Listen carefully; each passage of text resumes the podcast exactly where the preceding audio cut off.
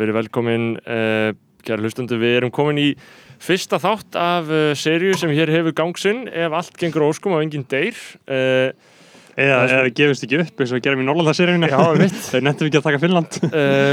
Það sem við ætlum að reyna svona átt okkur á stöðu framhaldsskólana eða mentaskóla, ég ætla aldrei að láta Stöðu drengja í Já, mentakerfinu. stöðu drengja í mentakerfinu Ég ætla aldrei að láta bugast og byrja að kalla framhaldsskóla eins og er, eins og er svolítið móðin svona. Uh, við höfum fengið til okkar tvo emmeringa, að þau tala MR í dag Við erum hjartalega velkomin uh, Grímur Smári Hallgrímsson og Guðrun Sóli Gessóttir Takk fyrir. Eru þið ekki ánægð að vera komin að tala með MR? Eru þið spennt að tala um skólan ykkar? Já, er bara. Ég er mjög spenntur. Við erum satt með uh, núverandi nefnda, Grím, fættan árið 2002, eða ekki? Jú. Og Guðrunu fyrirhandi nefnda fætt árið 87. Við erum með breytt í þessu. Og Já. þess er síðan að geta að ég var sjálfur líka einnig nefandi MR uh, og Berþór, þú varst ekki með skóla þannig að þú varst í Vestlunar Nei, Já, varst í, já, ég fór þú varst með Vestlunarpróf Já. Já, Já, já, það er rétt. Sko, ég veit ekki alveg í hvað röð við þurfum að gera þessu skil. Við ætlum að reyna átt okkur aðeins á því, sko, í fyrsta leginn alltaf bara hver staða skólan segir einmitt núna og sömulegis eh, hvort þetta hafi breyst einhvern veginn. Ég er náttúrulega er hansi viss um og ég er alltaf að segja það örgulega í hlaðarpunum mínu að þetta sé alltaf orðið ömulegt, grímur. Er allt ömulegt þannig inn í emminuna? Er þetta, veist, Uh, með við það sem ég heyri af svona uh, eldri nefndum þá uh, er þetta ansi umulegt. já, er það ekki? En þá náttúrulega, sko, þetta skólar hefur verið alveg sérstaklega umulegt. Svona, það er kannski, þú veist, tekur þið ekki að ræða það neitt eitthvað gæðið mikið. En, svona, en svona, í heild þá hef ég skemmt mér rosalega mikið í mér. Og Já. þannig að, að, já, svona, með allt sem ég hef þekkt og upplifað, þá er það búið að vera alveg frábært, sko. Einmitt. Hafa verið, uh, er það rétt sem maður heyrir að bjórkvöldin? Eða hvað hva kallið emmeringar þetta? Tebó? Tebó. Já, já. er það uh, búið eða hvað? Nei, sko... Er það fake news? þau uh, svona, já, einmitt svona, einmitt, ef ég segi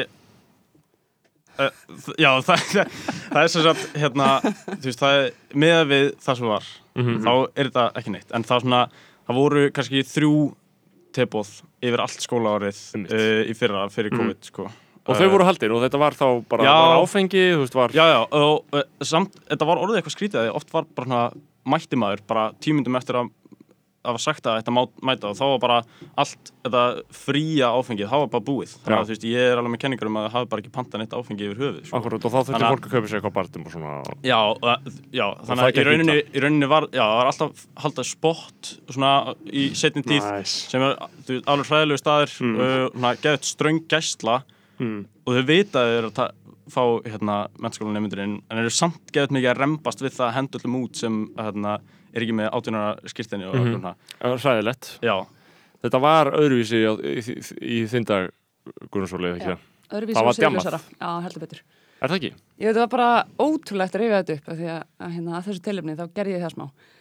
Ég rótaði minningabankanum og var svona einhvern veginn að hugsa um þessi ár Mhm. og það var gengdarlaust siðróf í fjögur ár eh, og þetta var bara ótrúlega lítið tilbaka sko, þetta var sko áður en að líka ungt fólk lærði að tjá tilfinningar sínar. Mm. þetta var áður en að kvíði var fundin upp. Mm.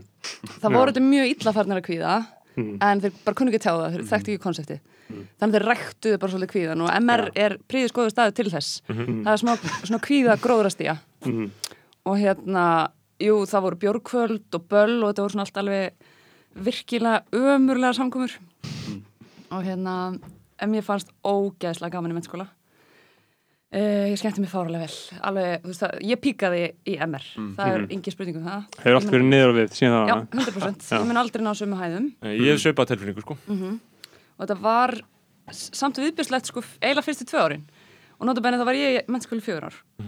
Um, Ef þannig varpið ljósa það, þá var Guðrunnsóli í, í MR árunum 2003 til 2007. Uh, tíu árum á undan mér, ég var 2013 til 2017 og Grímur er þá uh, frá 2018 til 2021, náttúrulega í þessu uh, viðbjörslega þryggjárakerfi. já, rétt.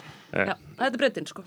Já, Þetta er ansið mikil breytt og, og sko ég held að uh, þú veist, eftir tíma þinn Guðrún, ég meina ef við tölum, tölum, ef við höldum áfram með djammið, en þess að djammið er náttúrulega þú veist aðal þátturinn í mentaskólagönguna að mínum að ég meina þú veist, þetta er það er þarna á þessum vettvangi sem fólk bara sko svona svolítið uppgötar sjálft sig og, og svo framvegis. Uh, þá heyrist mér hafa hallað það mikið undan fæti í þeim efnum sko hjá frá því að ég fór og bara það til að kemur að grími að þetta sé í raun og veru búi ég meina Tebo, þú veist, þetta hljóma smá eins og þið lítið á þetta grímur eins og eitthvað þú veist, svona svolítið góðsarnakent eitthvað sem var gert já, er já, og svona alltaf þegar það hafi verið haldin tepó í minni tíð þá hefur þetta verið svona að reyna að lifa upp fyrir einhverju sem var Akkurat. og svona hefur einhvern veginn aldrei gengið almennilega upp. Mhm.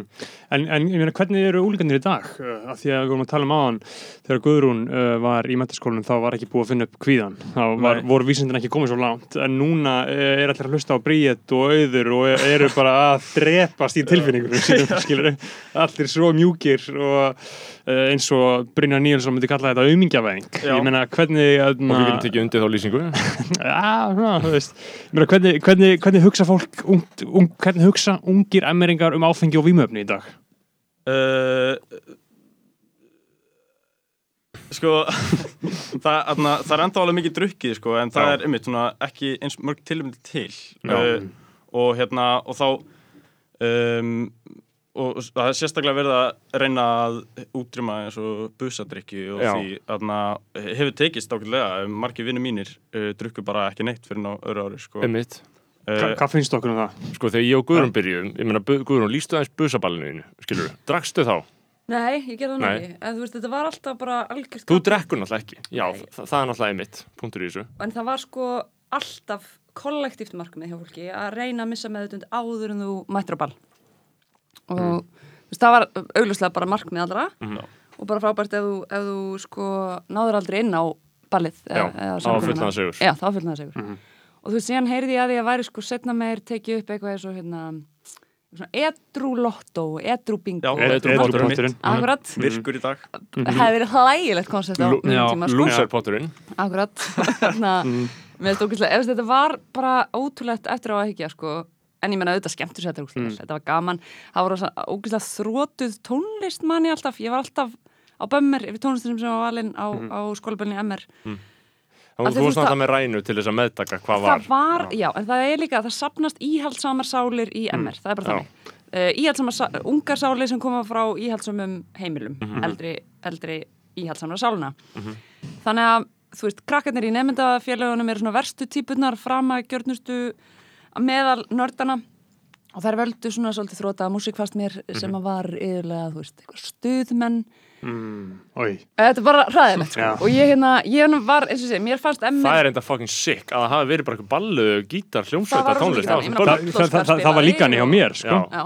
Það er fucking ókist það er aldrei núna þetta var geðvitt sko, þegar þú mætti með sko cash þú veist við vorum í nefndafélagstjórninni og ég mætti með þú veist svona seðlabúnt og borgaði Pál Óskari svart fyrir Mhm. ballið og þannig gekk þetta bara fyrir sig, þú veist, einhver, einhver þrótaböndi ég öfundaði alltaf Vestlunskólan og MH af þeirra böllum af því að mér stöðu skemmtleri og ég, eins og segi, ég var í brjálaslega mótsóra á fyrstu tvö árun í mér af því ég hataði sjálf á mig fyrir að hafa ekki farið í MH Já, eiginlega allir vinið mínu fóru þangað. Mér fannst vera að upplega miklu skemmtleri mennskóla ár og ég bara með mjög lélega aðlöðunhafni, verið störa þannig að ég var í mjög mikil mótstöðu við allt sem hétt MR allar þá tíð, ég gekk í, mætti í skólan okkur um einasta degi með MH-húfuna sem bróður minn átti og var bara í andói gagvartur sér sko, mm. þetta hundleðilegt og ómögulegt allt saman Mhm.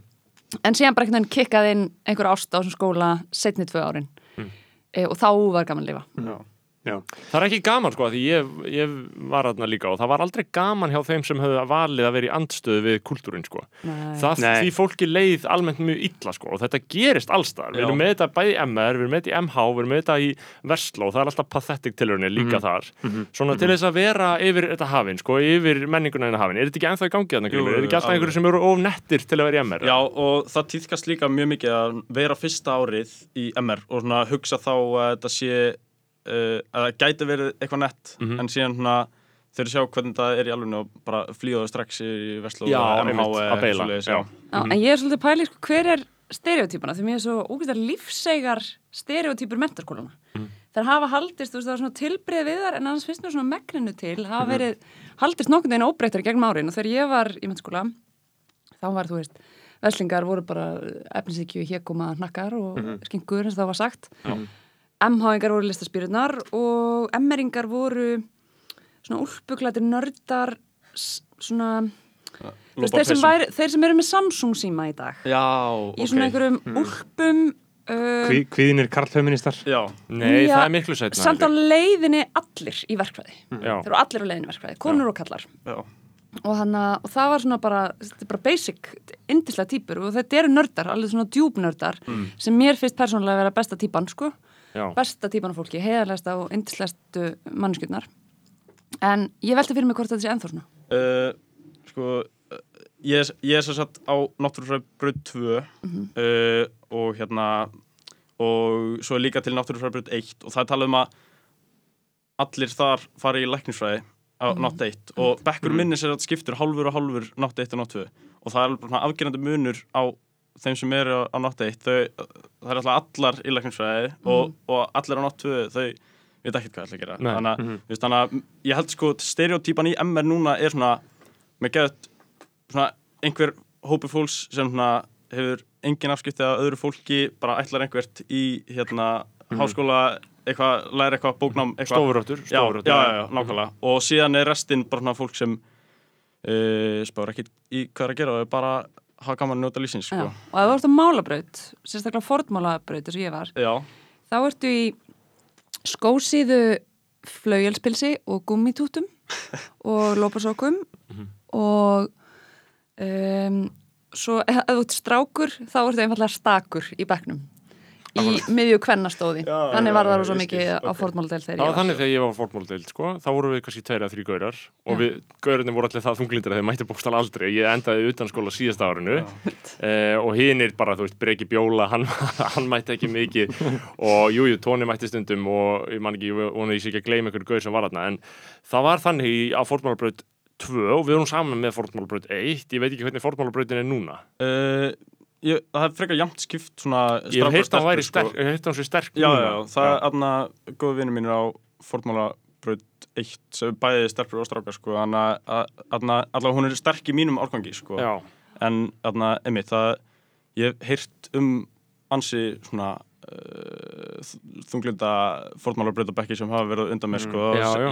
Aðna, já, Og það eru svona, þú veist, mm. að því að við erum með stereotypur því að þú veist, jú, stereotypan um MR er náttúrulega, þú veist, út af við eru svona einmitt bara nördi, vill vera í vísindum og fer, og fer í X-Beckin og fer í, eh, fer í þarna verkfræði eða læknarsfræði eða starffræði eða eðlisfræði eða það að vera raskiluru og uh, það er ein stereotypan, svo er hinn stereotypan sem verður mögulega tíð til bara svona aðeins setna, svona 2008, 9, 10, 11, 12 sem er svona PC vinstri málabrautar típan, skilur já, hún, hún var kannski ekki jafn sterk á þínum árum og hún er núna, Guðrún. Nei, hún var í gerjun, Já, held ég.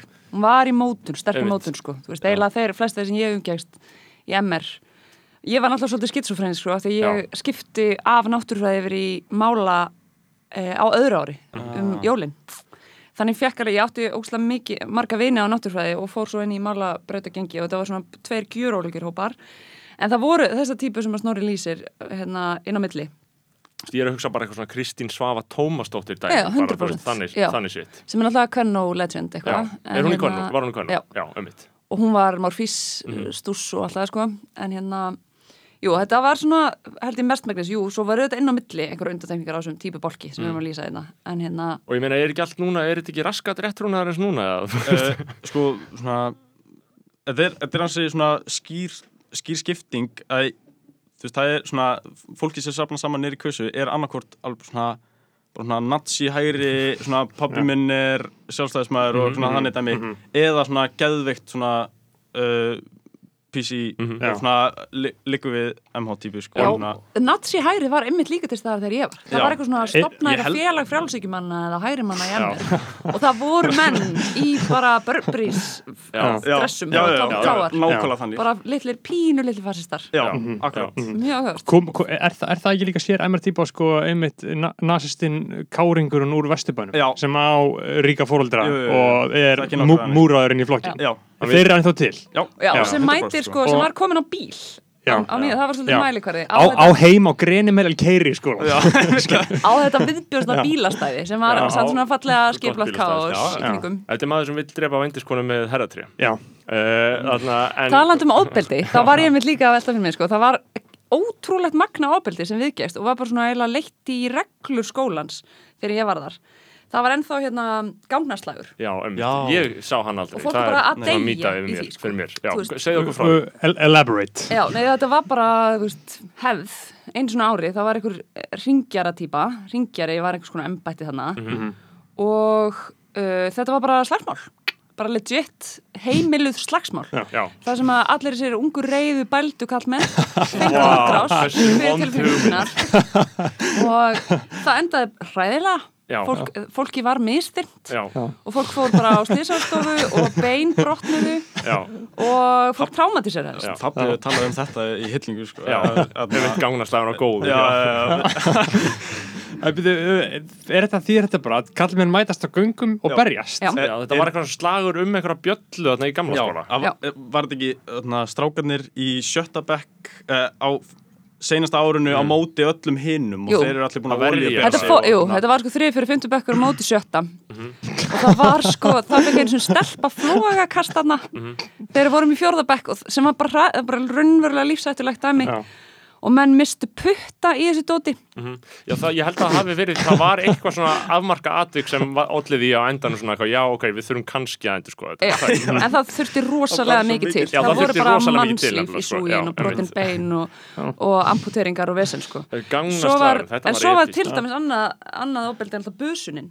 Já, Já. sem fucking brútal þegar ég var hana Mhm. þetta var í alvörinni svona áfalla bara mjög djúb áfallasteytur öskun í sem En þið voru busuð það ekki grímur? Jú, ég, á X-bekkunum busaði mig, ég var ekki látið að gera neitt Nei, sko. Ég þurfti bara einstakar sinnum að þvó töflun eða eitthvað svolítið, annars gerði ég ekki neitt sko. Nei, Og er, er það ekki svolítið þannig í MR, það er eitthvað svona uh, skrítin, svolítið svona rapey kultúr uh, hjá uh, el, elstu neymyndunum að fá að fá, að fá busan í fyrirparti svo er það líka sko. En þú veist ég minna þetta, þegar ég var, að, þegar ég var busuð þá var, voru ykkur svona eina geðsala bara vingjallegar tolleringar en síðan var sko, voru við látin læra ég man að við vorum öll bara eitthvað vakandi, tókum all alnáttung að læra fucking gátan utan að skjálfand á beinunum. Já, og síðan voru látin syngja hann fyrir framann einhverju sjöttubekkinga með kvalalosta og það var alveg samkoma niður í kössu Já, að syngja fyrir þessa menn og eitthvað svona róðurafélag Já. sem er einmitt bara eins og þarna hvað heitir það? Áttan Já, dæmið.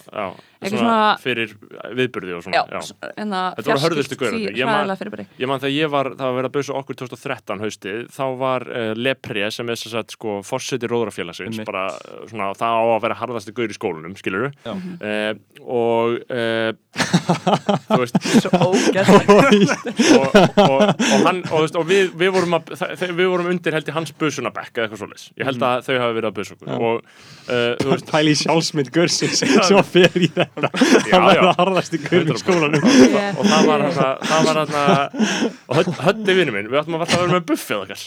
Og þú veist, áttum alltaf, að vera að Já. okkur og busuna vikan var bara, þú áttir alltaf að vera með fokkin buffið bara til þess að nýðilega og einhvern veginn var hann ekki með buffið. Og bara gaurin var bara, hvað í fokkanum ert að gera? Bara, hvað akkur ekki með buffið og það hötti bara, uh, uh, ég held að það hefur hötti bara, uh, bara, og allir bara, oh my god og bara horfa niður, bara alvöru óþægileg bara, bara, og eitthvað svona, hann hann mm. fara að fóra fætur veist, og bara, se- settu það buffi, akkur ekki með buffi og hann bara, sorry, sorry, sorry og já, þú veist, fólk er alltaf ekki á því þetta er raunverulega sko slæmar og neikvæða tilfinningar sko. Já, já, veist, þetta er ekki- tráma. veist, við tölum um þetta núna, höfum til flimtingu sko, en þú veist, þetta er alvöru Það traumatíserandi var skítrættur sko, Já. við vorum þrætt í gegnum einhverja þrautabrautir og, og það var öskrað Já, okkur já, og skjöld já, fyrir. einmitt. Þetta var bara sadomaso Já. í sinni verstu mynd, Já. bara samþyktustu mynd sem leiði sko. það var, það var vonda upplifunin alltaf við mína busavíku var þegar við þurftum að lappa þarna í gegnum einhvern göng af sjöttubekkum Einmitt. svo voru sem bara sparkjum og En uh, þetta ábeldi er nefnilega líka sko í, vil ég meina, í sko íþróttakennslunni í MR smá. Já, hvernig er staðan á henni?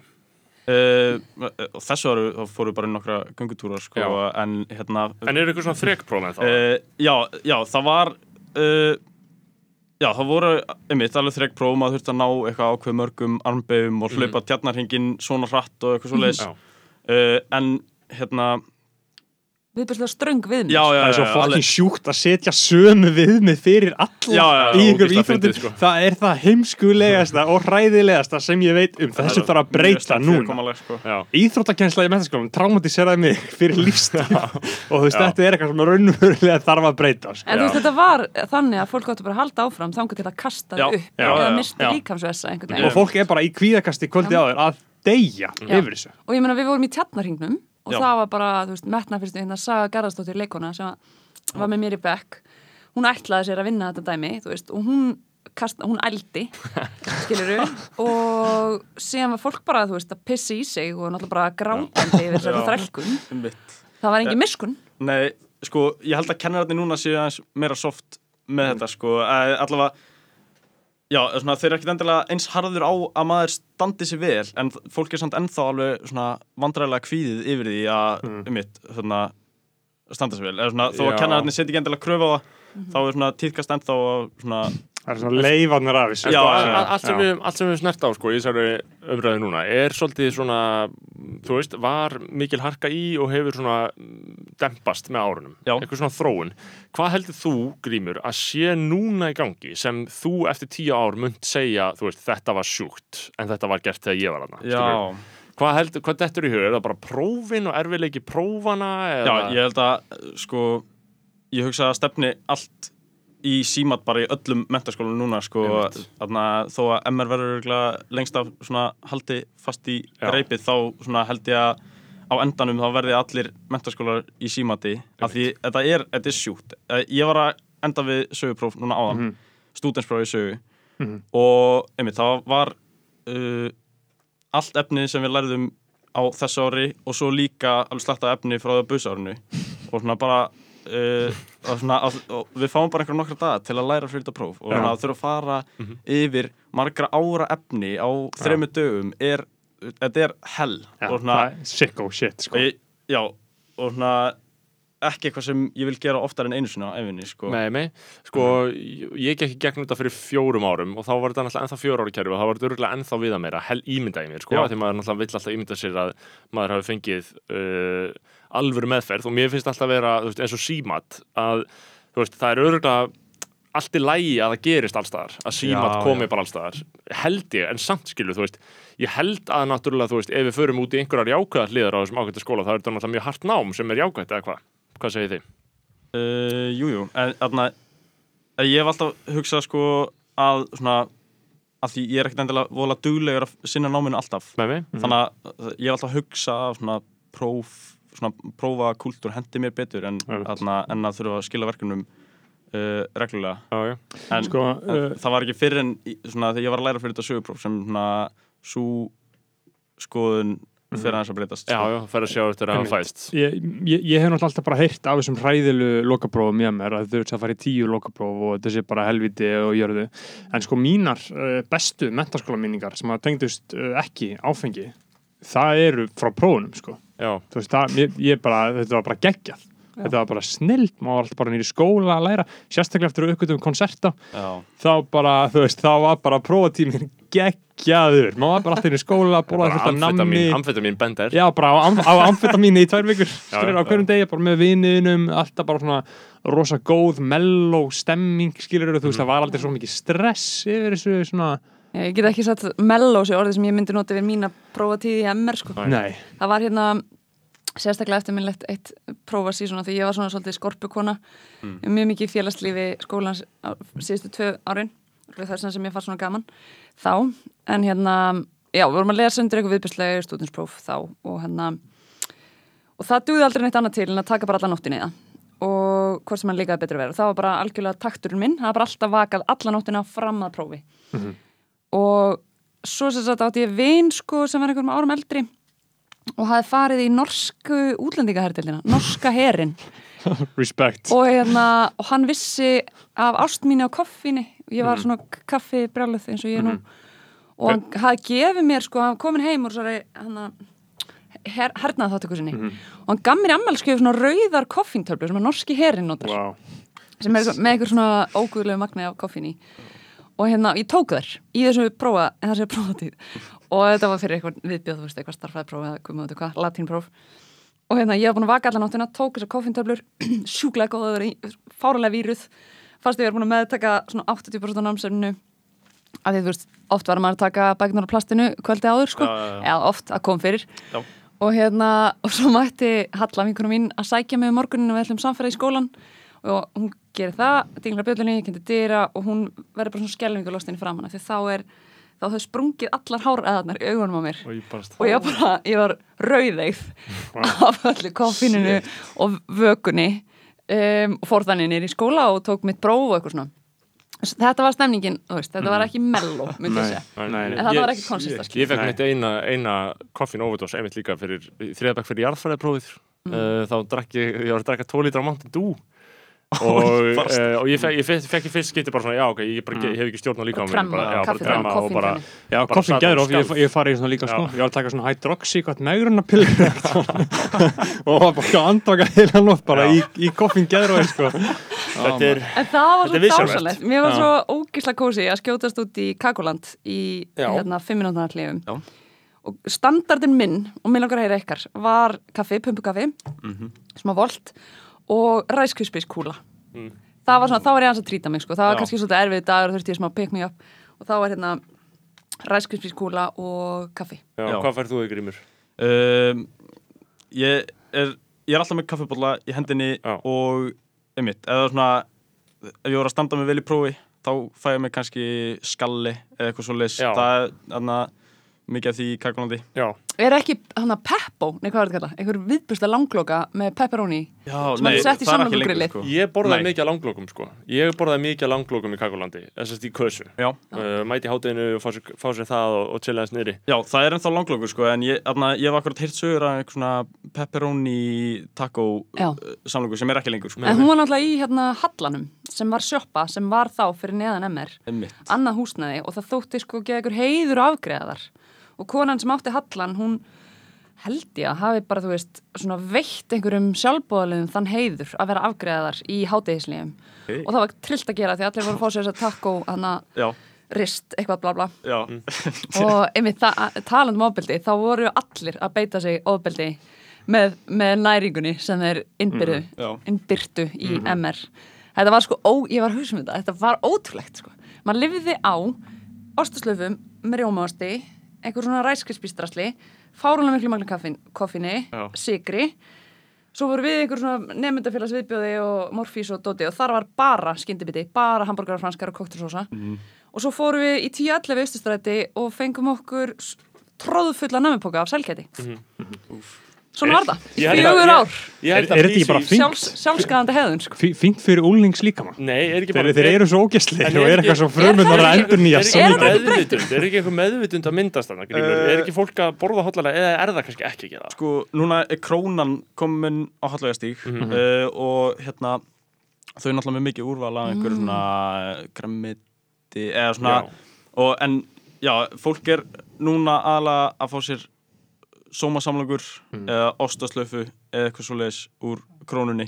Og svo er líka, aðna, svo er líka stundu selt pasta í hérna kakulandi Já, og þannig að það er ekki endilega verið að veist, gera árás á einn líkama en svona Svo- En svona, já, þetta er ekkit endilega svona, neitt vola hotlumatur sem við erum bara, sko. Ég sé þetta náttúrulega, ég fer á veitingastað sem heitir Chickpea sem er sama húsnað á Krónan Já. og fer stundum í hátægin og fer mér hátægismatar og ég sé emmeringana streyma framhjá. Já, og ég er alltaf slegin yfir því hvað þeir eru cool ok. Mér finnst þetta svo cool og töff og Já, ég eitthvað, já. djöfull er þessi krakkar með móðfókin sjálfstæðan stíl og öll með eitthvað svona establiseruð mótuð lúk og ég verð bara fyrir svona innblæstri, svona tísku innblæstri þegar ég sé emmeringana streyma fram hjá Chickpea í hátæginu. Ég held að það komi mjög mikið uh, svona, það hefur orðin eitthvað svona TikTok tísku bylgja, sko. mm. Uh, en síðan náttúrulega líka heil árgangur, hver einasti strákur, aðna, busastrákur núna, er uh, bara í hennu klassiska gúnlúki, sko. Já, flóni, eins og flóni Já, já, já. Flóna, en nafklippingin. Þú veist, ég, ég vil meina þessi nafklipping en ekki flónaklipping sko. Nei, En einmitt, ég, aðna, fólk he- held ég klæði sig ágætlega svona uh, skemmtilegar en hérna Já, mér finnst þetta ósangjant, við vorum öll ógisla hallarsleg já, já, og bara að horfa á einhverju ljósmyndi frá mennskóla árum mínum, þetta er óbærilegt, mm. það er ekki þetta að draga þetta fram í dagsljósa þegar voru þetta svo hallarslegir. en eru við síðan ekki að fara að hugsa það sama Jú, jú, jú, jú. er Nei, ég veit ekki. Jú, Ég en Og að- það, er ymir svið sem við þurfum að dekka þú veist, að því að við, við höfum ekki ótamarkaðan tíma sko. við þurfum að hugsa um uh, ákveðin uh, svið uh, við erum með félagslífið. Uh, félagslífið uh, var í fullum gangi þegar ég var. Þegar ég var þá tók ég þátt ángætlega ég hætti að gera allt í sjötta bekk. Já. og stimplaði maður sér svolítið út en fyrir það, þá var þetta mjög ánægilegt og skemmtilegt og það er andi í þessu og ég var í aðna, skólablaði sem hétt mentaskólatíðindi og við ætlaðum að fara í stjórn, ég var í skemmtinemnd þú veist, þetta var alveg sirka í fullum gangi þó að reyndar hafi maður líklega ekki séð bjálkan í eigin auga með að vera að taka þátt í þessu og hötuðu mann allir, sko. Það hatar allt, það hatar allt vennlegt fólk fólki sem er í nefndafélagi Já, uh, skiljanlega Þetta ser maður ekki ef maður er sjálfur í nefndafélaginu maður skilur Nei, ekki að þetta geti verið svona sko. Ég hef ekki tekið eftir þessu og kannski segir. Eftir í félagstíðinu Uh, já, eh, ég er sem sagt hérna, formaður herranættur og já. ég er líka í hérna Kakolands uh, nefndinni. Mhm. Ertu ekki með MR podcasti líka? Já, ég var með eitt þátt Já. Með hérna. Elmari félagin mín. Þa, eh, það er MR podcast Já, eh, svona, það veit búið að taka upp einhverja þó nokkra þætti sem er svona, svona sem er svona í vinslu innan gesalappa að vera að klippa eitthvað svona, þú veist, Ég get sagt að það tekur þrján mínútur en þannig að þeir bara ekki gera það nákvæmlega. það, það er bara voða lítið verið að Já, sensu held ég, sko, en þarna, það hafa einhverju nokkru þætti komið út sko, og- Einmitt, Þannig að þú sér líklega ekki þess, þú, þú, þú, þú gerir ekki hugalunda þessu margir sem hatið í Nei, nei, skólanum nei, ég- en, en, sé það ekki svona. en Guðrún, þú varst náttúrulega líka í einhverju eða ekki? Já, ég var í hérna stjórn framtíðarinnar Mhm. og reitnefndum einhver svona, einhver blaða. Mhm. og svo verið Morfís sem sagt setni tvö ára mín sem að tók yfir allt árið þegar við fórum alla leið í bæði skipti þannig að það, Morfís vikunar voru alveg heilt yfir og eðalöð fyrir manni alla möguleika á einhverju náms ástundun Já. yfir árið sko. og var Morfís nett þarna? Já, eins og fólk- við höfum rætt, já, það var nett ég veit Já. að trúið mér enginn af því að það verist mjög fjarlæg og úrelt minning en það var skítnett og það var einmitt svona þú veist, það var bara úgeðslega gaman og geðslega mikið stemning og það var ekki eins og bara, þú veist, við í liðinu heldur voru alltaf svona eitthvað svona fylgisveit sem var- voru bara voru bara bara. Einhvern veginn, alltaf með Mhm.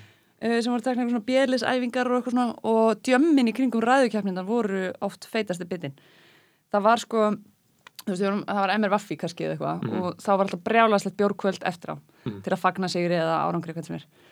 Og þá voru mitt, þú veist, mætti liðið í viðbjörslega bjórkvöldi og fór fram á einhverjum röðum. Mhm. og ég fór reyndar oftast heima grenni og hata sjálf mig eftir þessar fokking framistöður í þessum morfískeppnum. En gaurarnir í liðinu voru sjúklega sátti með sig og fór að djamma og velta sér upp á dýrðinni af því að það var svo gaman. Þeir eru staðið sér vel að eigin mati. Já, já, Nei, þetta var ógislega gaman. Og ég meina félagslífið og það er það sem ég hef reynd að selja einhver svona litlu fransískinu mínum.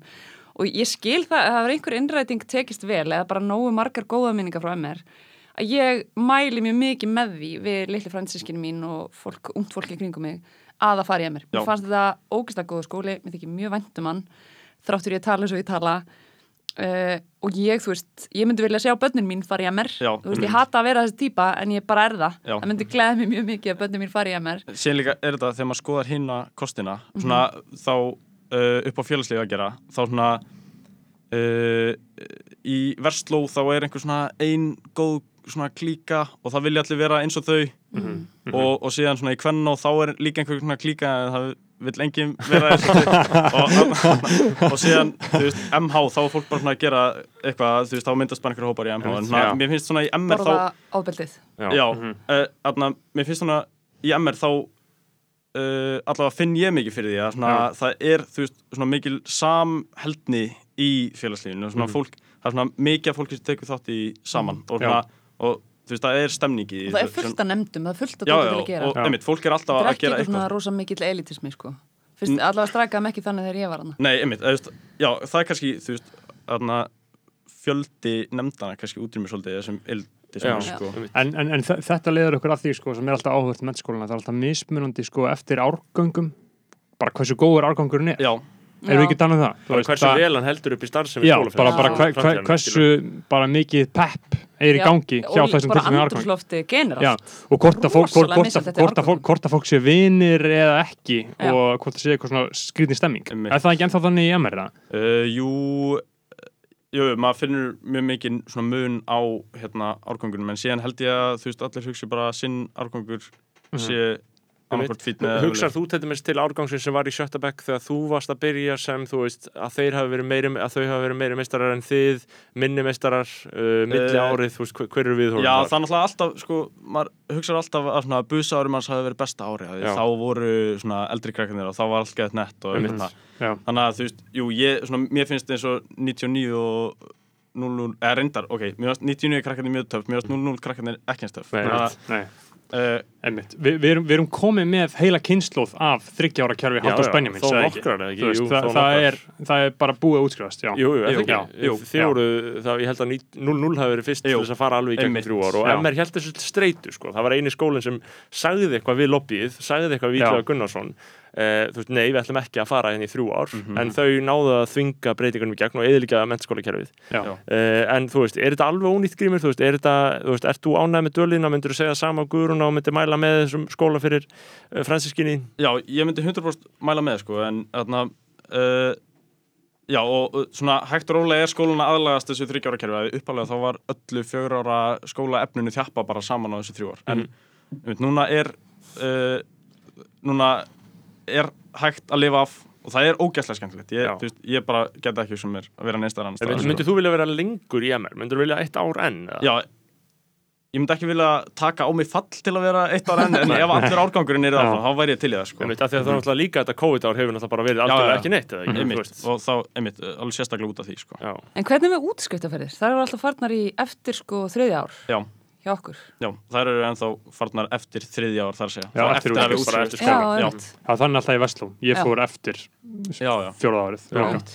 Það var mjög áhugavert líka. Já, við fórum alltaf, einmitt, við við fórum semst, eftir þriði ár og þá var svona, þú veist, hugsun var alltaf að MR gerði þetta til þess að þjappa fólkinu saman eða eitthvað Já. maður tók alveg eftir því, þú veist, að, að því ég aðna var eitt ár með 99 sem voru í Sem höfðu fjögur ári í skólanum og, og maður sá alveg, þú veist, þau höfðu alveg augljóslega verið saman í Mexiko í viku Já. Í, en ár, árgangurinn lifir, árgang, á, þetta, þetta þjappar þeim rosalega saman, þau lifa svolítið á þessari sammeilegu minningu, þú veist, Mhm. uh, og þú veist, það var geðið til okkur á spáni, uh, lúðarnir höfduðu það, uh, lúsararnir, það Mhm. var þannig. Já, já. og tölu illum út, útskiptaferðinni, ég vil ekki heyra þessi orði mín eru þegar þau gera það sko, Mhm. en útskiptaferðin var frábær uh, Guðrún var ykkar ánægilega neikvæð Uh, það er svolítið góð spurning. Við fórum til Tyrklands til á svona, sk- svona epírt skítaplay sem heitir Marmaris. Ó já, ég var það líka. þetta Vi, vi, við vorum alltaf að hlusta á MR-lægið. Það var gert eitthvað MR-lag um Marmaris. þau fóru lengi að það sko Já. Ok, Frá- ég, þetta var svona í eitthvað svona rosalega uppbyggingu þegar við fórum þannig að þetta var bara svona eitt risastort yðnarsvæði og eitt hótel sem var tilbúið sem var hótel sem við vorum á og hérna og það var geðveitt sko því að þetta voru tvær fokkin vikur. Þetta eru 14 dagar sem er langur tími. Já. það er svo mi mikill metnaður sko. og fólk var að sturlast úr tilökun sko. Við, þetta er já. náttúrulega bókal lungu, lungu fyrirfram. Og það er, má ekki vannmeta heldur aðdraðandan að þessari ferð. Peppið sem á sér staði aðdraðanda ferðarinnar. Bara marmar í spjórkvöld Gaurar, gaurar, kallmenn gefa út lög. Það var bara svo einbeittir brotavili líka, bara um leið og fólk mætti, veist, við bara opnum dittnar á hótelherbyggjunum og það bara brast út einhver, einhver óerðir, sko. Og þú veist, þetta var alveg gjöla magnað dót og það var bara hver einustu kvöldi alltaf sama rútínan eitthvað, þú veist, einhver fordrykkir og fólki, hérna, einhverju anna, tóka, eitthvað, já, það, eitthvað Já, tóka gerir það já. það Það ferlegt, ekki, sko. Tóka, tóka og svona kvöldum eitthvað? Jú. jú. Já, og síðan bara fór allir að, þú veist láta putta sig á einhverju fróðu sko, Já, ekki, já, þú veist. já. og það var bara kvöld eftir kvöld kvöld þannig að við vorum eitthvað, þú veist, talað um að vera haters. Við höfum verið þessi fúlu hérna, eitthvað, við vorum fimm vinnir sem fengum nóga þessu eftir þrjá daga. Þannig að við bara eitthvað, fuck this shit. Og flugum flugum til Istanbul, við fimm. Og vorum í Istanbul og áttum bara geðvika upplifun þar, sko, þegar Mögnuborg. Já, þið voru lúðarnir þá. Já, við erum Já, lóðnir, já, og svo flugum við aftur í sódómuna bara og það var bara, þetta var bara mitt í 14 daga, sko, var bara ógsta gaman. Bestu tegundunar eru gaurahópanir sem eru svona smábúnur að taka spýtt og kók fyrir, skilur og fá síðan að fara til Marmaris Já. og fá rosalega ódýrt spýtt og kók og bara fá að fara á það er, bendir mjög, það er mjög áhugavert með svona fíkla hegðun sko, en að það er yfirleitt svona eftir 2-3 ári mentaskóla sem svona gaurar byrja að Krydda. reykja gras almennilega og einhverju taka kókain, kannski, skilur Mhm. Já, og þegar þið fá síðan að fara í ferðina sem var það sem gerist í okkur, var bara að þú veist, ég hef aldrei séð mikið grasi á æfum minni, þú veist, það var bara, Já. það var bara reykt kannabis frá því bara við vöknum klukkan bara átta á morgnana þessuna og bara allan daginn. Be- besta sem, besta sem ég heyrt var aðna uh, einn uh, félagi minn sem að, uh, með viðskiptavit sko, og fór í einhverja, ég veit ekki, magalúf eða hvað sem hann var, keifti bara 100 grömm og rúllaði bara þúsund jólur og seldi þær í stikkitali Seldi allum auðmikinu sem Já. kunni ekkert að kaupa en hvernig, það, þú veist, hvernig, hvernig myndur lýsa ástandur með tilliti til þessa grímur?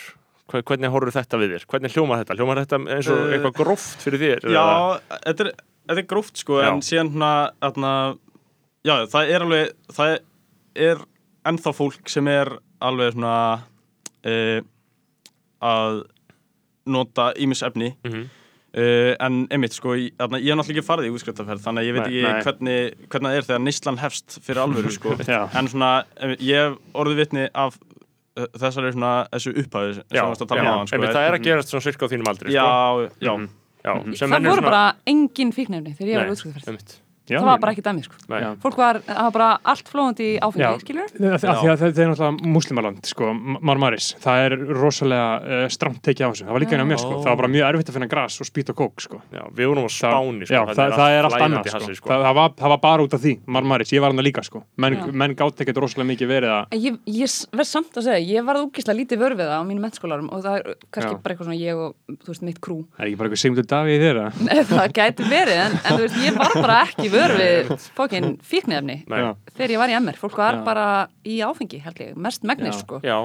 Segi ég Og- út frá mín, mínu og það þröngu var líka sko. þannig hjá mér sko, ég myndi ég segja, en Mhm. það var samt svona þú veist, það var meira krakkar sem voru ekki í MR einhvern veginn sem blönduðust inn í MR-hópin Mhm. Sem voru með eitthvað weed í gangi en menn voru ekkert eitthvað að e, taka mikið harðar efni, Mhm. þú veist, jújú jú, kókain og sumrin og eitthvað svona skilur Þarna, mestalega, en, en hvað er ekkert um þetta hjá þér grímir Ég, Eða- sko, ég hef einu sinni séð kókain og það var einmitt í útskriftapartíi Já. jæna, Þú ætlar að uh, reyna að fá grím til að já. þessi lögbrot. Nei, grí, grímur, þú veist, við höfum líka að taka það fram, sko, ef einhverja hlusta þarna, þá er grímur að segja þetta allt út frá því sem hann hefur séð en ekki það sem hann hefur gert. Það Nei, er bara einfaldast að hafa já, það. við, við trúum á fælingavottin. Já, já, og hérna en, já, og síðan hérna uh, það, já, það er alveg einstakam fólk sem svona, er alveg að reykja weed þá Mhm, og, og, og svolítið týðkaðist fyrir kannski frekar á fyrsta og öðru árunum mínu að fólk var með svona THC vape já, bara eiginlega alltaf upp í sér sko, Vá. og Þarna, uh, en já, einmitt þannig að ég held að það hafi aðeins uh, svona minkað já, já.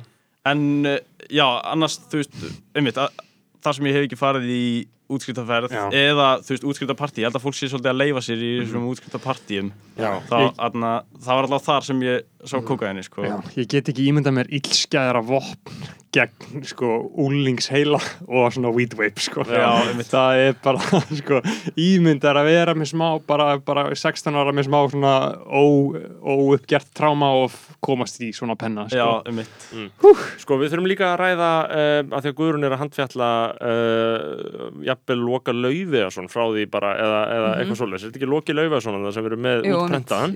Svo. Þessi tímaritt voru ennþá prentuð í mína tíð sem var 2013 til 17, það var Loki Laufiðarsson uh, á vegum framtíðarinnar og mentarskólatíðinda á vegum skólafélagsins svo var auðvitað skinnfaxin sem kom út árlega jafnvel endaði sem eitthvað samvinnuverkefni á milli skólafélagsins og framtíðarinnar uh, og mm, fre, frekari útgáfi starf sem við ráma með ekki í og kannski morginskinn á hverju hausti, er þetta allt ennþá við líði uh, grímur? Uh, já, Já. Um, en allavega í ár þá held ég að það hafi ekki komið neitt blað út á prenti. Uh, sko, Skinnfaxi á að koma út aðna, einhvern veginn mæ, það er segin útgáfa af honum. En Mhm. já, hann er alltaf aðna, það er bók Já, það er bók, en Já. sko öll þessi Loki Laugarsson og uh, mentaskólatíðindi hafa bara verið á svona, Bara einhverju vefsíðu núna sko, þannig að Sko, að því að, að því að það er líka, það eru strömmkör sem hafa orðið. Ég meina, Guðrún, þú varst í, uh, sko, 2003 til 2007, þú veist, 2007 þá varstu framúrstefnilegur og varst komin á Facebook, skilur. Já. Þannig að þú fer í gegnum mentaskóla meira og minna án samfélagsmiðla. Já. Það voru kannski bloggsir. Hvernig var svona netheimar, uh, hvernig voru netheimar, hvernig endurspeglaðist líf ykkar í netheimum? Vinahópar á Blogg Central. Er það ekki? Jú, Já, það var í rosa menntaskólanum, mikið tekið, ok. já. Já. Og ég man að það var sko rosa, þú veist, ég er í fressað einhver svona blogghópa hjá Vestló oft á dag, sko, sjá hvað einhvern veginn Vestlunskólinni var að bralla Já. Já. og um, einmitt blog.central.is og hétt alltaf eitthvað svona pjöllurnar, pjásutnar, blíbli, eitthvað. Og þetta er svo ancient dæmi, sko. En þetta var svona einhver, einhvers konar, já, MySpace náttúrulega líka, Mhm. þarna kom MySpace. Og MSN. Og MSN og það var gaman af því að þú veist, þú gast deilt einhverju músík sem þú kunnur með þetta og þú gast raðað viniðinum í einhver svona ofbeldsfulla röða þau eftir hver var að standa sér best hverju sinni. Já. og hérna og þá, já, þú veist, en þarna var ekkert Facebook þarna var ekkert gram, ekkert Snapchat, ekkert rugl sko. Einmitt. og þú veist, og það er líka bara, voru ekki símar í skólastofunni það er bara óskup basic, þú varst bara hérna lesta af hendi fyrir utan skólastofuna. Mitt og allir hessum í það. Ég, þetta var náttúrulega allt önnu tilverð ég myndi að það er ekki bara allir þú veist, það, það er náttúrulega bara þú veist, ég get ekki einu svona einmitt, bara ímynda með hvað símagnin skipta miklu máli og samfélagsmiðla skipta miklu máli í MR einmitt núna Jú, e, það fyrir rosalega mikið af svona einhvern svona bekkjastar sem er fram á Messenger og hérna Mhm. akkurat svona Facebook-grúpur, svona Facebook-grúpa fyrir alla árganga og Mhm. einhvern svona uh, alltaf einhverjum svona Facebook-events Mhm. uh, Já. sem er alveg fárlegt að það sé á Facebook Já, Facebook heldur, vir- heldur við Já, ég held að sé að því að þeir eru með þessa event sem er Já. svona þægilegt að gera sko, já. Þarna, uh, en já, einmitt og svo akkurat uh, margir sem eða bara heilu skólaárunum í símanum Já, í tíma já, sko, þarna uh, já, hann að þetta er allt annað sko En, En- kennarnir í að mér voru grjótaðir á þessu sko, þegar Já. ég var.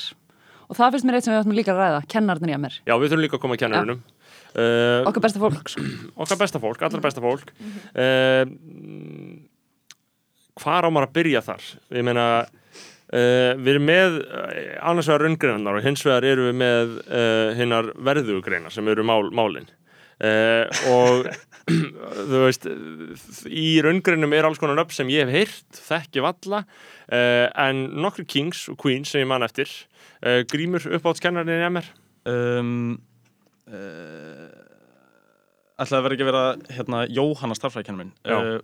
Hún bara bara frábær sko, bara Já. gett góðu kennari og, og slæð skemmtileg sko Mhm. og líka svona mátulega ströng Já, uh, og í íslensku, hver, hver kendi þér þar? Hver uh, hefur kent þér? hún er, heitir Ásgerður sem er að kenna mig núna Mm um, þarna, og síðan voru fleiri kennarar sko hérna Guðjón, Arnbjörn, Knútur er já, hættur einmitt, þessi gömlu Vala, var ekki Vala? Jú, hún er að kenna sko, Mhm. þarna, þessi gömlu hafa ekki verið að kenna mér eins og Arnbjörn, hann var að kenna pappa mínu sem fættu 76 sko, og hann var að kenna frá bara upphæðu tímans. Það er sko, þú veist, uh, máli var með MR er að þú veist, kennararnir eru svakalega svona mikil, mikil konsept þarna, skilur, Já. það er alltaf verið að tala um eitthvað svona einstaka kennara, allan að þegar ég var, það var rosalega mikil svona, mý, mý, svona, mm, svona einhverja mýtur í kringum alls konar kennara og tengsl þeirra innbyrðis Já. og, og margir þeirra höfðu verið bara þarna í 40 ár, skilur, þetta var að einhver leiti höfðu, þú veist, stöðu bara sem er sambarlega við bara stöðu prófessors einhvern veginn, skilur, þú veist, þau eru bara einhvern veginn alveg rótgróin, sko. fólk sem er búið að vera þarna bara í heila mannsæfi Já. og er samt ógæslega lélegi kennarar og hafa alltaf verið Já, og það er náttúrulega líka Ég, ég, ég fór um þetta að hugsa, uh, er það að því maður trú alltaf, já það er ekki hægt að reyka kennara eða þú veist, þegar einhver kennara var bara hræðilur bara Já. fullkomlega kulnaður, djúpþunglindur Já. bara svona alvörunni átt erfitt með að stíga fram úr rúminu Já. Uh, það var alltaf að tala um, já það veit aldrei á bara hræðilega en það er alltaf, það er ekki hægt að reyka kennara uh, er það einhver mýta sem að trúðu, sem að úlingur má, mega, má ekki alveg reyka þetta fólk, já? Sko, Guðrún, hvernig var þetta hjá þér? Komum upp einhver átök? Nei, ég er nefnilega, þú veist, ég, ég var bara ógeðslega hrifin af kennurunum sem kendi mér MR, bara Já. eiginlega heilt yfir. Já, Fáránlegt að segja þetta, þetta er náttúrulega gjur ólíki karakterar, Mhm. en rosalega áhrif sem þeir höfða mann. Þetta eru mannesku sem að sko margir sporir í mig bara fyrir lífstíð. Mm. Man náttúrulega massífir áhrifavaldar eins og allir kennarar eru, eða allavega þeir, þeir betri. Og þú veist, svo ógæðslega eftirminlega típur, skilur, Kolbrún latínukennari sem er náttúrulega bara, þetta er, þetta er rosa mikla svona góðsagnir. já, Þú veist, Ármann Jakobsson kendi mér bókundafræði kurs þegar ég sjötta bekk sem að markeraði, þú veist, það braut sem ég fór í lífinu síðan meir. um, hérna, Guðbjartur, faðir Barka Tómasar, hérna, hann kendi mér jarðfræði já, og það var, þú veist, hann er stórkostlega manneskja, sko, þú veist, það er bara uppistand frá upphæða til enda, Já. fáránlega inspirandi og góðu gaur. Yðun spænskukennari sem var svona með, þú veist, svona heitt hispanic blóð Mhm. og úsaði einhver svona kynþokka sem að enginn var ónæmur fyrir, þú veist, það var bara svona hiti í stofunni hjá henni og þetta er bara magna fólk sem að mér þykir úrslega væntum. Hver, Marja kendi mér íslensku, Marja Björk já, Já. og danskan var náttúrulega líka ógíslega eftirmilið, maður var alltaf að horfa á þú veist, þessu gerist líka svo sem í gagfræðskóla og upp í mennskólan að horfa á eitthvað svona danska klámyndir Mhm. og þessu svona Til þess málefna að reyna að halda krökkunum vakandi, var bara tekið klám. Já, bara það, eða þú veist, flesta danska kveikmyndir eru klám Já. þannig að þú, þú einhvern veginn sleppur ekkert við það að fá smá kynfræðslega einhvern veginn í leðinni Mhm. og hérna e, svo var, þú veist, var eftir einhver svona einnir svona klámynd sem við horfum og hérna og þá var ég nýbyrjuð í málabreytabæknum og var ekki orðin comfortable í þeim því, kráti sko. Og við horfum á þessa mynd og ég á mjög mikið til að gráta við bíómyndum og þetta var svo sannarlega eitt slikt tilfelli. Þannig ég svona öskur grét, ég hrein yfir danska kláminu og en áttu úrslega erfitt með það með að lesa ókunna fólks einhvern veginn. Þannig að um leið og myndin kláraðist þá bara tók ég sprettin yfir í gamla náttúrhöðbröð og bekki minn. Og til þess að fá smá hópknús þar sko. Ég byrtist í dyragættinni, þú veist þetta var svona eiginlega fyrsta deginum í Malabröð og náttúrfræði félagi mínu gömlu voru bara eitthvað, hvað gerðu þau við þig, skilur, af því ég mætti stokkbólkin rauð á gráti en svona voru áhrifa miklar kennslustundunar í MR, já, já, og bara þetta móta mann fyrir lífstíð sko, og, og, og marka brautina einmitt, sko. Já, þetta var alveg í fólk sem að tristi og þetta var fólk sem að, veist, ég leitaði alveg ráðgjafar hjá, sko, já, já, já. þú veist Ég man að Kála Lat sagði við mig á júbilandaballinu sem var náttúrulega mjög gott uppgjör. Þá sagði hann sko, þú ert klár en þú ert ekki snillingur. Og þetta var svona, þú veist, þetta var mjög gott komment að fá frá Kála Lat sko, því að það hefði verið algjör viðbjöður sko. Uh, var á utanskóla í sjötta bekk Af hverju var það? Uh, akkur var ég viðbjöður. Af hverju varstu utanskóla? Akkur var ég utanskóla. Það var bara, þú veist, ég bara nendi ómögulega að mæta. Uh, það var, uh, þú veist, menn voru bara einbættis frá öðru. Ég hafði verið, ég var orðin þreyttur á þessu. Uh, og uh, þú veist Ari bróði var líka auðvitað skóla þetta var bara Já. eitthvað sem að fólk gerði sko, á endanum í sjöttabekki, maður gafst bara upp sko. Og hvernig var það ástandu á heimilinu? Þú veist, ef að Snorri var heima allan daginn Uh, varstu ekki að reyna að meika á Snapchat á þessu Jú, tíma? ég var með, með eitthvað á Snapchat ég var mikið að djamma þú veist, Já. ég, ég, þetta var hundabúrst það sko, en við, við ætlum að fara við fórum með nökk og fjalla til Tenerife Mhm. uh, þetta var mjög, þetta var mjög lærdarsöku tími sko, en þetta var um, þú veist, ég fekk alveg nóg af MR eftir Fintabæk, þú veist, það bara alveg sko, ég brann Mhm. eiginlega út sko.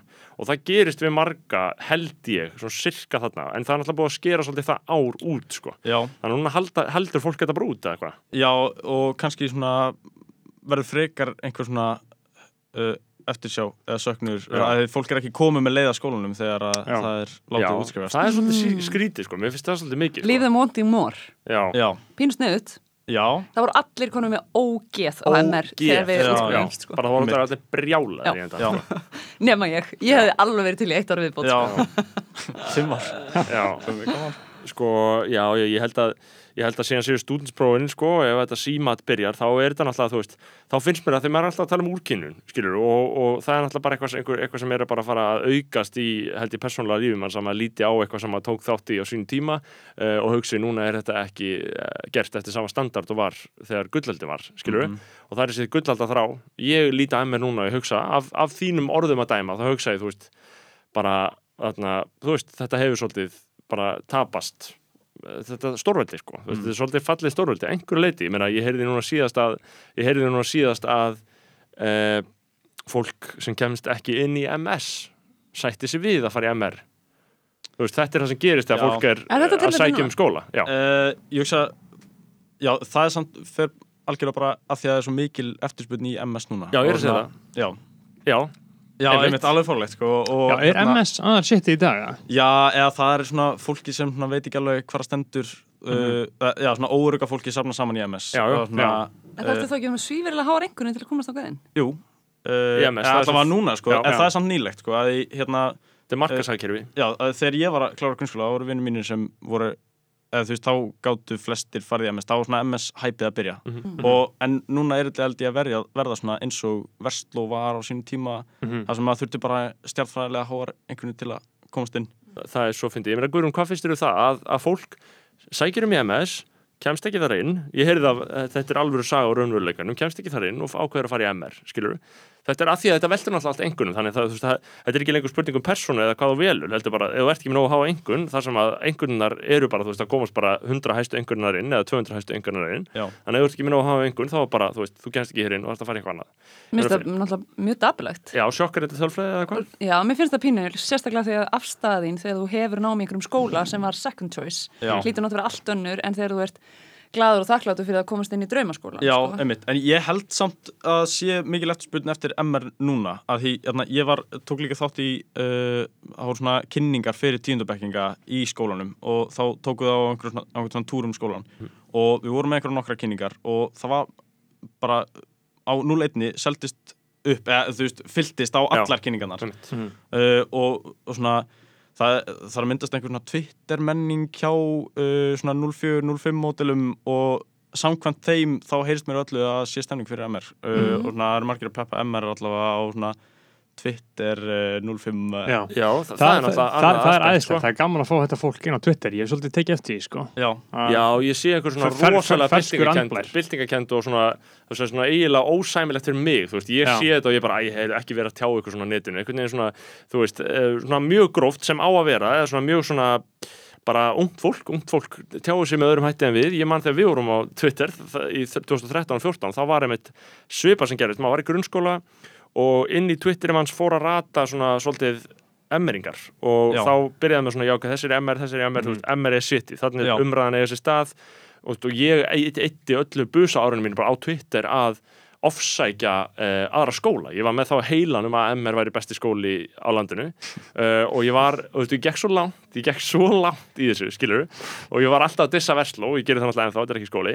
Um, og MH, ég hjólaði svolítið MH, ég postaði mynd af fólki sem var í einhver svona party og ég sagði eitthvað svona gardínu aðildin er hér mjög sterk, þannig að þau voru klætt í gardínur.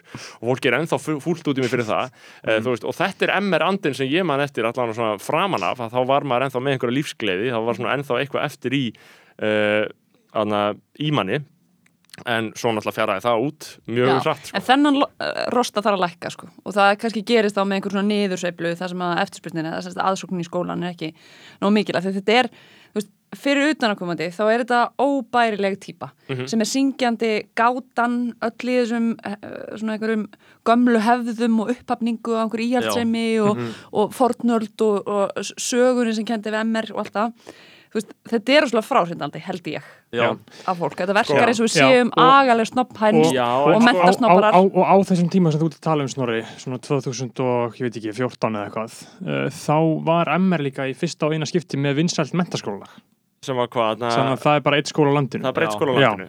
Og það, Það- er mitt kjarnaði þessa höfund, það er bara eitt skóla á landinu. Já. og hann, það er veintalega ennþá spila á djömmum og já. er Já. haldið. Uh, Já. en það er eina en, en, sko, og fyrsta ég, en, ég ó- en ég er ósamála guðrunu sko, vegna þess að ég er ekki sammála því að MR þurfa að leggja sér rostan. Ég fór á þessa skoðun í svona nokkra mánuð þannig í fjóraðbæk þegar ég fór svolítið anspyrði gegn sjálfum mér var rosa eitthvað svona ok, ef við ætlum að halda MR hérna alþýðlegum og að færi allra á einhvern veginn svona aðgengilegri stopnun þá verðum við að hætta þessum hróka en síðan eiginlega fór ég aftur yfir í þetta eftir að hætti skólum að skólinn þarf sjálfsmynd þú veist, og ef hann missir sjálfsmyndina þá er hann ekki neitt, sko, MR hefur bara kyrt sig allan að tíma á einhverju falskri sturlari sjálfsmynd, Já. skilur og ég held að það sé akkurat það sem heldur þessu, hérna, þessu félagslífi uppi er Já. að svona, fólk er til í að mæta og hafa gaman að því að, þau eru Eh, emmeringar já, að þið eru emmenningar svona, Já, það er gaman það er í eitthvað identitet. já, já, Já.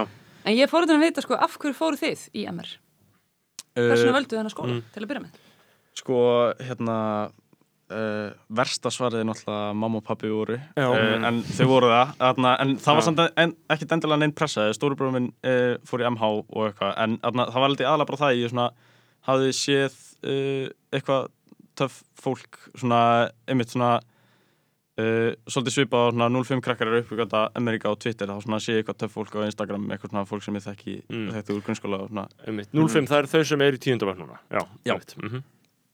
Þannig að þú valdir það bara út af nettu fólk og, fólki og Í- var lág ströymurinn í, úr grunnskóla þínum þangað í MR? Uh, í rauninni ekki sko, allavega vinahópurinn minn tvistraðist svolítið á marga skóla sko, en hérna uh, það var einn vinnur minn úr grunnskóla sem svona fylgdi mér Já. í MR uh, en þarna uh, ég vil meina að ég hafi tekið þessa ákvörðun ákveðlega sjálfstætt Já, sko. já, maður vil auðvitað meina það sko já, Ég, hætt, ég fór bara því að þú veist, það var annarkvort MR eða Vestló hjá mér, það var annarkvort Beggi eða Ari og það var Ari og ég fór bara í MR eh, og eh, ég valdi MR bara auðvitað líka því að það, þarna var náttúrulega, þetta var rosalega sérstætt andrúsloft þarna 2013, það var, eh, þá voru, voru rosalega svona bylgjur að hefjast á samfélagsmiðlum þar sem fólk var að verða crazy í einhverju svona einhverju pólitík og feminisma og svo framvis og það byrjaði svolítið fór svona inn í MR og varð svona reysa stór bylgja og breytti MR sem skóla vil ég trúa sko, bara það andrumslátt sem myndaðist í kringu það allt sko. uh, og, og, og það átti þátti að vinda svolítið ofan á svona ákveðinni kalla menningu sem ég held að hafi verið mjög ríkandi, ríkjandi í MR sko. þú veist, svona sturlaðri bara svona sem- sem bara, þú veist, sem fól í sig líka bara árásir á konur, sko, bara eins og Já. mentaskóla umhverfi var, maður hefur Eh, heyrt af þessum hræðilegu- ríkjandi í öllum skólum sko. með skólablöðin, með morfískettunar með getur betur, bara þú veist það var bara, ef að konur gerði þessu gildandi þá var bara ráðist á þær af köllum sko, þú veist, uh, sem ég myndi mér að þú uh, þekkir Guðrún þegar þú varst þarna þú veist, var þetta ekki bara kallar, fyrir kalla um kalla frá köllum? Rosa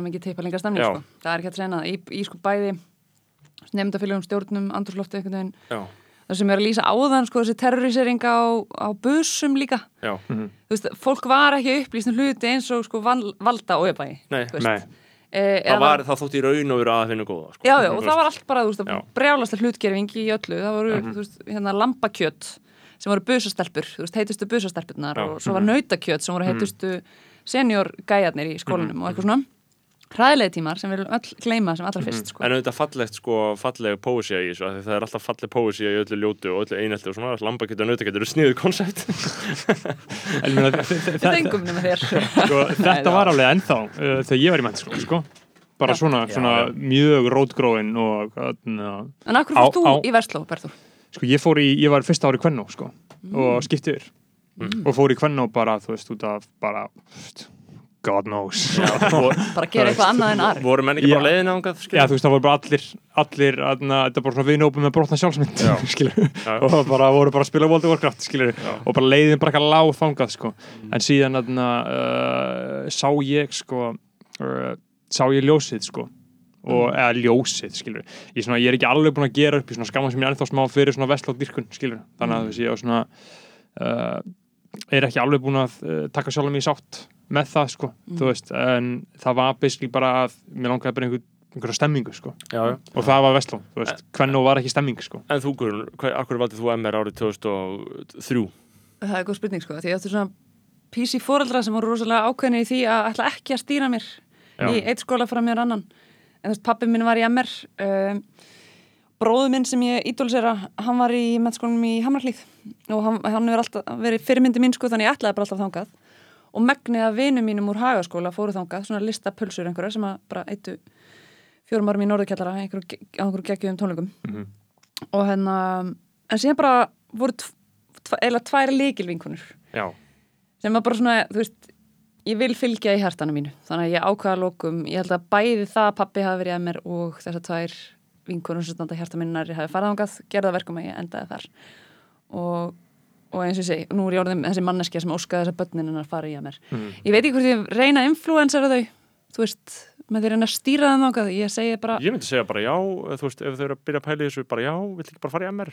nei, ég er bara, ég afneita þér ef þú fer ekki að mér Já, ég kasta þannig. flegar og dyr ef þú fer ekki að mér Já, ég þú held að ég ert það vombriði og mistök ef þú fer Já. ekki mennskólan ekki Myndirðu Segja eins og segja- dugar. myndirðu segja það sama? Já, 100%. Já. Eða vera kannski með eitthvað svona, uh, svona lúmskan Já. áróður en segja síðan að þau megi velja. Já, En samt 100%. svona er un undirliggjandi alltaf skilabóðu verða að fara í MR. já, já, uh, spurt þig hvað skóla ætlar að velja öðru sæti, já, já, já. ég verð ekki reið. ég verð ekki reið en ég verð fyrir miklum vambrið ertu eitthvað farin að hugsa út í ann annað sæti, skilur? En, En- sko, að, lokum, Grímur, við þurfum að tala um þetta ár. Uh, bara. COVID-ið, Við það, við þurfum að ræða það á eitt annað, fram, hvernig, hvernig, hvernig það er búið að vera bara fyrir mentaskólanima, ég meina ég sé þetta þannig að það er uh, veist, það er engin uh, það er engin partí, það er engin einn heima. Partíin snýrist um það að vera einn heima. Já. Uh, er þetta ekki búið að vera þetta er Segðu alveg okkur frá þessu, ég er mikinn áhugaði hvernig þetta hefur þetta verið, er sko. búið að vera alveg bara ólýsanlega leðilegt. Sko, Hvað hafið þið hérna, geta gert? Uh, afar fátt. Uh, svona, það er einstaka sinnum sem einhverju fóreldra fara í bústað og þá getur einhver Já. búið heim til sín og eitthvað það er bara svo smuga. Já, Já. uh, annars bara eiginlega ekki neitt sko og þarna og já, þannig að einmitt, þetta var bara svona í samkominbannu þá, þú veist, erum við heima og þá byrja tími klukkan átta og þú veist, ef maður er heppin og kannski vakna maður og kveikir á tímanum og fer síðan að gera eitthvað annað Já, Já. og hérna og já, og þú veist einmitt, það hittist enginn af því þú veist, allir fóreldrar eru svo COVID-hrættir eitthvað svona og svo einmitt, það eru aldrei partí og hérna og sko, ég held ég yrði aldrei svona hamingjusamum með að komast í skólan eins og ég varð núna eftir áramót þegar við byrjuðum á meitiskólan og þó að það væri eitthvað svona geðt svona fast allir þurft að vera alltaf með grímur og eitthvað svona og bara, þú veist, það er bara svo ótrúlega mikill munur á að vera heima í skólanum og svo að fá að hitta fólk bara eitthvað. Bara þó að sé svona ógeðslega strikt sko, bara svona já, og svona allt annað. Ég finn líka bara svona gríðarlega mikið mun á mér. Eða svona ég er alveg, þú veist, var þetta var örugglega bara svona versta tímabil æfuminnar sko, Já. eh, haust. ég, ég líka Hinga til. Já, hinga til ég Býttu bara, er sko. En sko ég hugsa um sko að ég hef heilt líka út undan mér svona fólk að lýsa því sko uh, ég í COVID var, þú veist, ég var svo ble- blessunulega heppin að geta verið í íbúð þar sem að ég var einn sko en Já. fólk er inn á heimilum sínum með öllum með meðlimum foreldrum heimilisins Já. er ekki einhverja slíka sögur þó að þú kannski sjálfur hafa ekki lent í því en ég meina, er ekki margir sem eru fokkin innleiks á einhverjum heimilum með börnum, foreldrum og öllu pakkinu Jú, e, já, einmitt, ég er svo langsamur að hafa mitt herbyggi sem Já. er svona aðeins svona aðeins út fyrir svona íbúðuna sjálfa þannig Ok. að ég fekk ágætan frið Já. uh, en uh, einmitt, það eru krakkar sem svona uh, að því stundum eru netti að svara kennarunum og, svona, og þá, þú veist, heyrist ekki í þeim fyrir uh, barsgráti Og og, og svona háfaði og Sko, hefði ég lent í þessu á mínu mentaskóla árum, ég hefði ekki lifað þetta af, sko. Nei. Af, af því að þú veist, e- eina sem að lífið snýrast um var að komast út Já. úr húsinu Já. sínu, burt frá fóröldur sínum, eins mikið að og vera maður bara, mögulega bara, það besta Já. sem gætt gerst við því var bara að öllu leiti að vera án þú lífið veist, snýrast um það, allt lífið snýrast um það. og líka, einmitt, bara svona, svona eftir skóla vera til nýju bara svona skreita fyrir einhvern viðburð eitthvað svona, bara skemmtilegast í heima því maður þarf ekki að vera heima. skóla, Já. já, og þú veist, þó maður eitthvað svona og bara fá Dominos pizza launum er bara besta sem maður En getur er það hugsað, ekki episkur mórall núna? Eftir alla heimadvölina þegar þið fengur loksins að mæta skólan og jú, jú, hittast er ekki allir sjúklega góða vinnir og bara í hópknúsi frá mótni kvölds alltaf það Eh? Jú, eða, sko, það er náttúrulega alltaf að passa upp á það svona, Já, það má, ekki snerta sko, svona, svo, En geggjaði mórall Já, frábær móral, sko, mm -hmm. einmitt og svona, allir vinir miklu nánari eftir svona langa uh, hérna okkur öðru, sko Einmitt. Þarna, og, já, einmitt ég hugsa líka um svona djamþorsta það hlýtur að bara inni byrgjast svona einhver bara óútleist orka skilur Já. ef að Já, þið fáið ekki að, að leysa nú læðingi Jú, skilur einmitt ætli sumarið verði ekki bara þú veist Ég hugsa einhver? Jú. Bara einhverju varúlvar úti á götu að hlaupa, Já. sko. Getur ekki beðið. sko. Einmitt, og svo þarf þetta fólk líka að ríða og taka neyðapilluna og sinna sko, ég held að það þurfi líka svolítið að eiga sér stað til þess að, til þess að jafna sig á þessu öllu sko. Eh, Þetta er að gerast í mennskóla en grunnskóla. að lokum, þá er ön, svona, þú veist, ég ætlaði með að hafa þetta stittar en þetta er alltaf mjög, finnst ykkur ekki frjótt umræðinu og gott, finnst ykkur ekki gaman að ræða þetta? sko. Eh, sko, eh, hvert þarna, fólk fer eftir MR og hvaða svona hvaða spór það markar í lífi fólks að geta að vera í þessum skóla. Það er náttúrulega bara mikið lán að fá að vera í þessum skóla mínum þetta, það hefur bara, það hefur mjög mikið jákvæð áhrif á mitt líf, jákvæð áhrif á þitt líf Guðrún og jákvæð áhrif á þitt trúlega, eh, Grímur. Eh, og svona bara hvert leiðir fólks liggja að loknum MR, þú veist eh, þetta er náttúrulega, þetta er náttúrulega svolítið svona uh, þetta er svolítið ítón, þetta er svolítið klíku veisla, þetta er svolítið svona þú veist það er gamla klísjan um að einhver, ef einhver er að ráða í vinnu og sér MR og var í MR þá hugsa hann, þú veist, ok, MR-ingur þú veist, hvað, hva, hva, hver, hver, hver eru svona sögursagnar sem þið ímyndið ykkur þegar þið hugsaðum að hafa verið MR er þetta jákvætt? Uh, já, ég held það alveg 100% Já. sko. en hérna já, uh, ég var sér sett að sækjum núna á Sviðsvöndabraut í listafaskólanum Einmitt, og ég sé fyrir mér svona Gækja. heitla skref að Mhm. ég sé fyrir mér að svona í listaheiminum þá uh, er svona, eru emmeringar ekkert endilega eitthvað svona Nei, nei, uh, Er einhverju góð listamann frá Ameríka? Heldur betur uh, Hverjir? Rosa mikið ljóðskáld og reyðtöfundar líka já, Ég held að segja kannski þeir svona hvað, orðsins- já, hvað, hvað örlu heldur að býði þín í þessu skilíki frá að hafa verið í MR? Heldur það sé ekki gott að hafa verið í MR? eða? Jú, eh, ég hugsa að það besta sem ég tek frá MR er held ég bara svona að uh, að svona læra að kynnast fólki sko, Já. frekar en eitthvað svona einhver status um að, hafa, um að kunna læra eða eitthvað svoleiðis sko. Mhm. þannig að já, ég held að það sé svona uh, það sem er eftir að hjálpa mér mest í framtíðinni sko. Já, já, sko ég held í fram að besta sem MR gerir fyrir fólk atvinnulega sé, sé bara að fara með í gegnum stafsettingu á busárunni. Uh, af því þetta er eini staðan á Íslandi þar sem fólk læri stafsendingu raunverulega sko. Já. og það er líka terrorisera til að læra hana þegar það fá allir mínus einhvernir er það fá allir neikvæðar já. einhvernir í fyrstu veit, Þetta er bara alveg fasísk, atna, fasíst ferli Já. sem Já. tekur þrjá mánuði Mhm. maður gæti gert það að fólk líka bara fullansaldir bara. ég býð bara upp á að þið komið hingað og ef þið eruð ekki með þaðan af verri, þú veist, bara einhverja klíniska þriðjustyks lesblindi, þá getið þið bara lært stafsetningu hjá IMR á fyrsta árun sko. Það er með fallega metnaði En af hverju viljum við að fólk kunna það? uh, að því að það er óhjákvæmilega hluti af þessu öllu skilur Íslenskan Já, er já. ræktu helviti fallega Ég- í MR. Hún er gert, gert, það er gert víðar sko En ég skil alveg, ég skil alveg sjónum við að, stafsetningin er púra, stafsetningu per se er púra stjættaábeldi að Já. gera mismun á fólki með Já. þessu skilur en, en ef við horfumst í auðvitað við að það sé gert, það verður alltaf gert sama hversu mikið af ferskum blæð þú blæst inn í það allt sitt, þá er bara mjög hendut að kunna að skrifa, skilur Já, ég held að það liggi alveg fyrir já, sko. já, já. Eh, já, Guðrún, hvert fara Amerikar, þú veist Vá, sko ég, til dæmis, ég held að ég tilheri sko ákveðinu sniðmengi sem er ansið stórt, sem er eitthvað svona Vesturbæjar, MR, RÚF. Að ég er að vinna á Ríkisúðurpinu og það eru, f- svona myndi ég segja alveg furðulega margir emmeringar við störf þar. Já, já. Trúi því. Um, veist, jafnvel sko Vesturbærin, MR, uh, HÍ, hugvísindi, RÚF já, og reyn- reyndar líka Já, í háskóla, sko. já. En það er eitthvað svona, þú veist, mentaskólinn í Reykjavík er náttúrulega svona stopnun, þetta er þung stopnun, mikla vikt Já. og vísanir. Þú veist, ríkisútvarpi er það líka, þetta er kannski svona gömul gildi að einhverju leiti og ákveðin íhaldsemi í andrúsloftinu sem ég veit ekki hvort það skýri tenginguna þarna á milli eða hvað en, en hérna, ég held að vinna alltaf memmanni hafa verið í MR. Þú veist, ég held að skólinn njóti virðingar hvernig sem að er með sko, aðsókn frá ári til árs, þá held ég að sko, MR haldi alltaf einhverju svona virðingarstöðli í íslensku samfélagi, vona ég. Já, ég held að hann þurfi líka að vinna að því, ég held að hann þurfi að gera það markvist, beita sama ofbeldinu og halda áfram að beita ofbeldinu en þess að þú veist, ofbeldið er það sem aflar þið virðingar, skilur, þú veist, það er ekki að vera góðu fólk og það Nei, er ekki að en koma vel fram skólinn með eru líka nemendur. kennararnir sem eru í Já, líka það. Já, það, ef þeir halda áfram að ráða jafn stórkostlega inspirerandi kennara eins og ég fekk að njóta þarna, Já. þá eru þeir velsettir sko. En líka að móta sko stefnuna þannig að nefndur séu beittir, þú veist, að bara segja það aftur, ofbeldið, þú veist, að það er það sem gerir þau að, þú veist, fólkinu sem það er og það er það sem gerir MR að því sem það er, það er bara svona gróf stemning, Já, skilur, og miskunnulegst og maður á minningar um svo ekstrem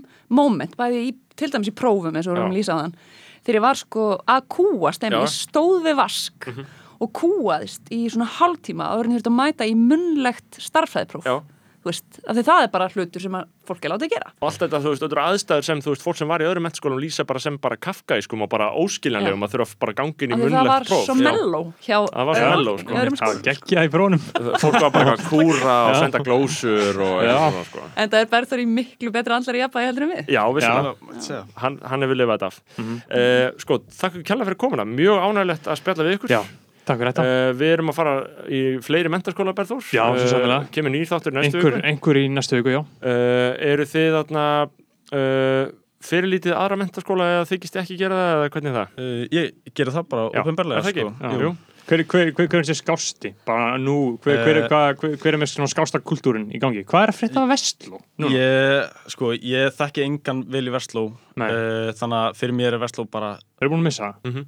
Já, Nei, það er mikið, já, já halda fram já þarna, en sko bara svona persónulega hef ég mest gaman að svona MH Mhm. kultúrinu þar já. Mhm. en ég hugsa að það sé bara persónulega skoðun sko. En ég held samt að MR og MH hafi verið svona tiltölulega mikið bandalaga einhver leiti að svo miklu leiti sem eitthvað bandalag er myndað með öðrum skóla Já. Þú veist, það tala niður til kvennó, kerfisbundi og svo er, and, svo er bara eldveggur við verslu, þú veist, það er bara var ákveðin eldveggur skilur, og svo, hann, var, hann var mikilvægur á okkar tímum og við fórum svolítið að, viðhaldið. já, og við fórum svolítið að brjóta þetta með mér, sko, Þú veist, ég átti kærustu sem var í verslu og svona og það var alveg Já, svona já. eitthvað ok, bara þú ert með verslingi, skilur og verslingar um átti vini sem var í verslu og það var ekkert eitthvað alvanalegt að Amerika væri að blanda blóði við verslinga, sko Mm. var, ekki svipað þau, Guðrún?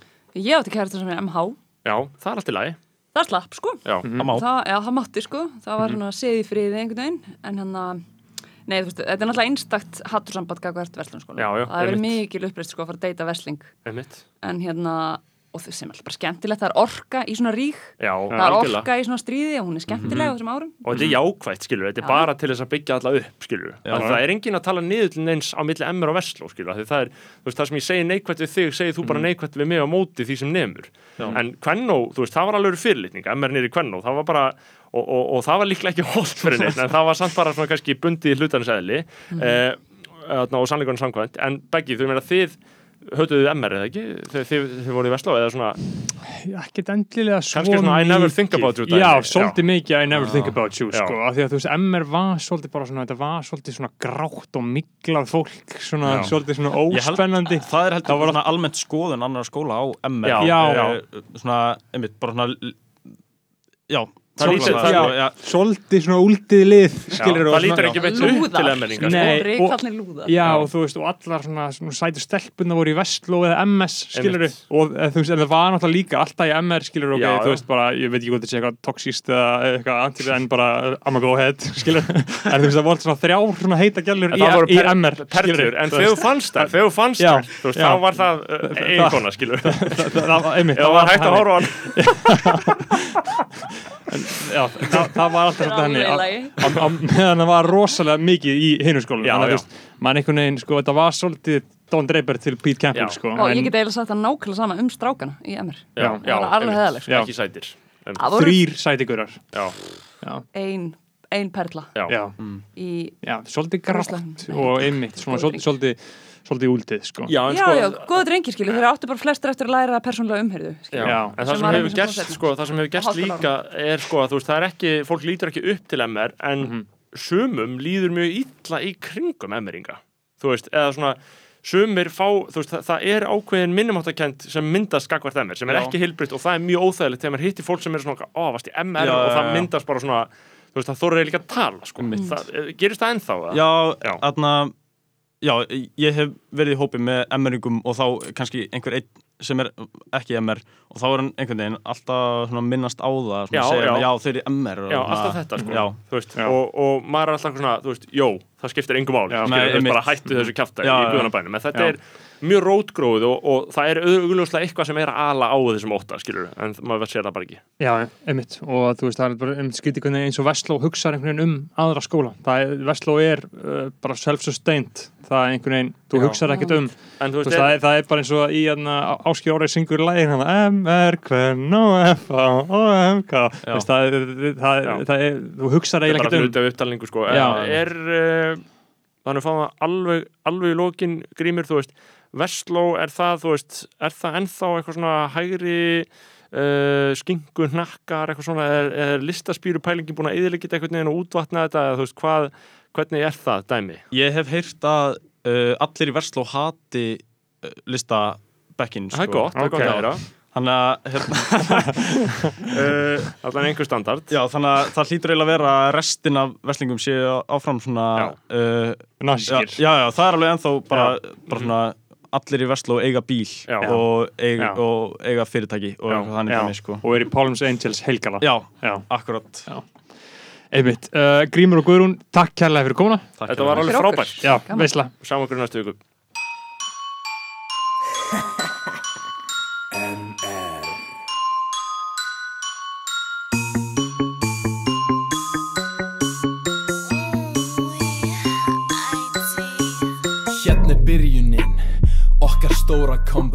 Miljón evra look Gefins fólk að orða.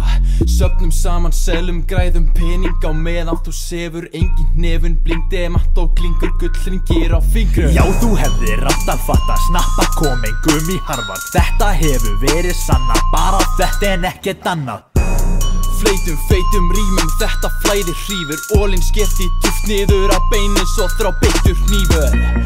Lópis í lifir, gullöldi okkar er öllu yfir. Þetta er leikur, hvergi spengum þetta sleikur Erum eldfimir, óstöðvandi Allt eða ekkert, erum brautreiðjandi Brandi, blandi, óinni, nefun Krýta kveði frá allt öðru landi.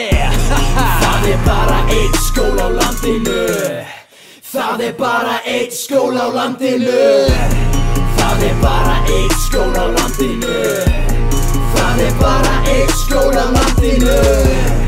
Ameríkar hafa þetta í blóðinu. Ameríkar hafa þetta í blóðinu. Ameríkar hafa þetta í blóðinu.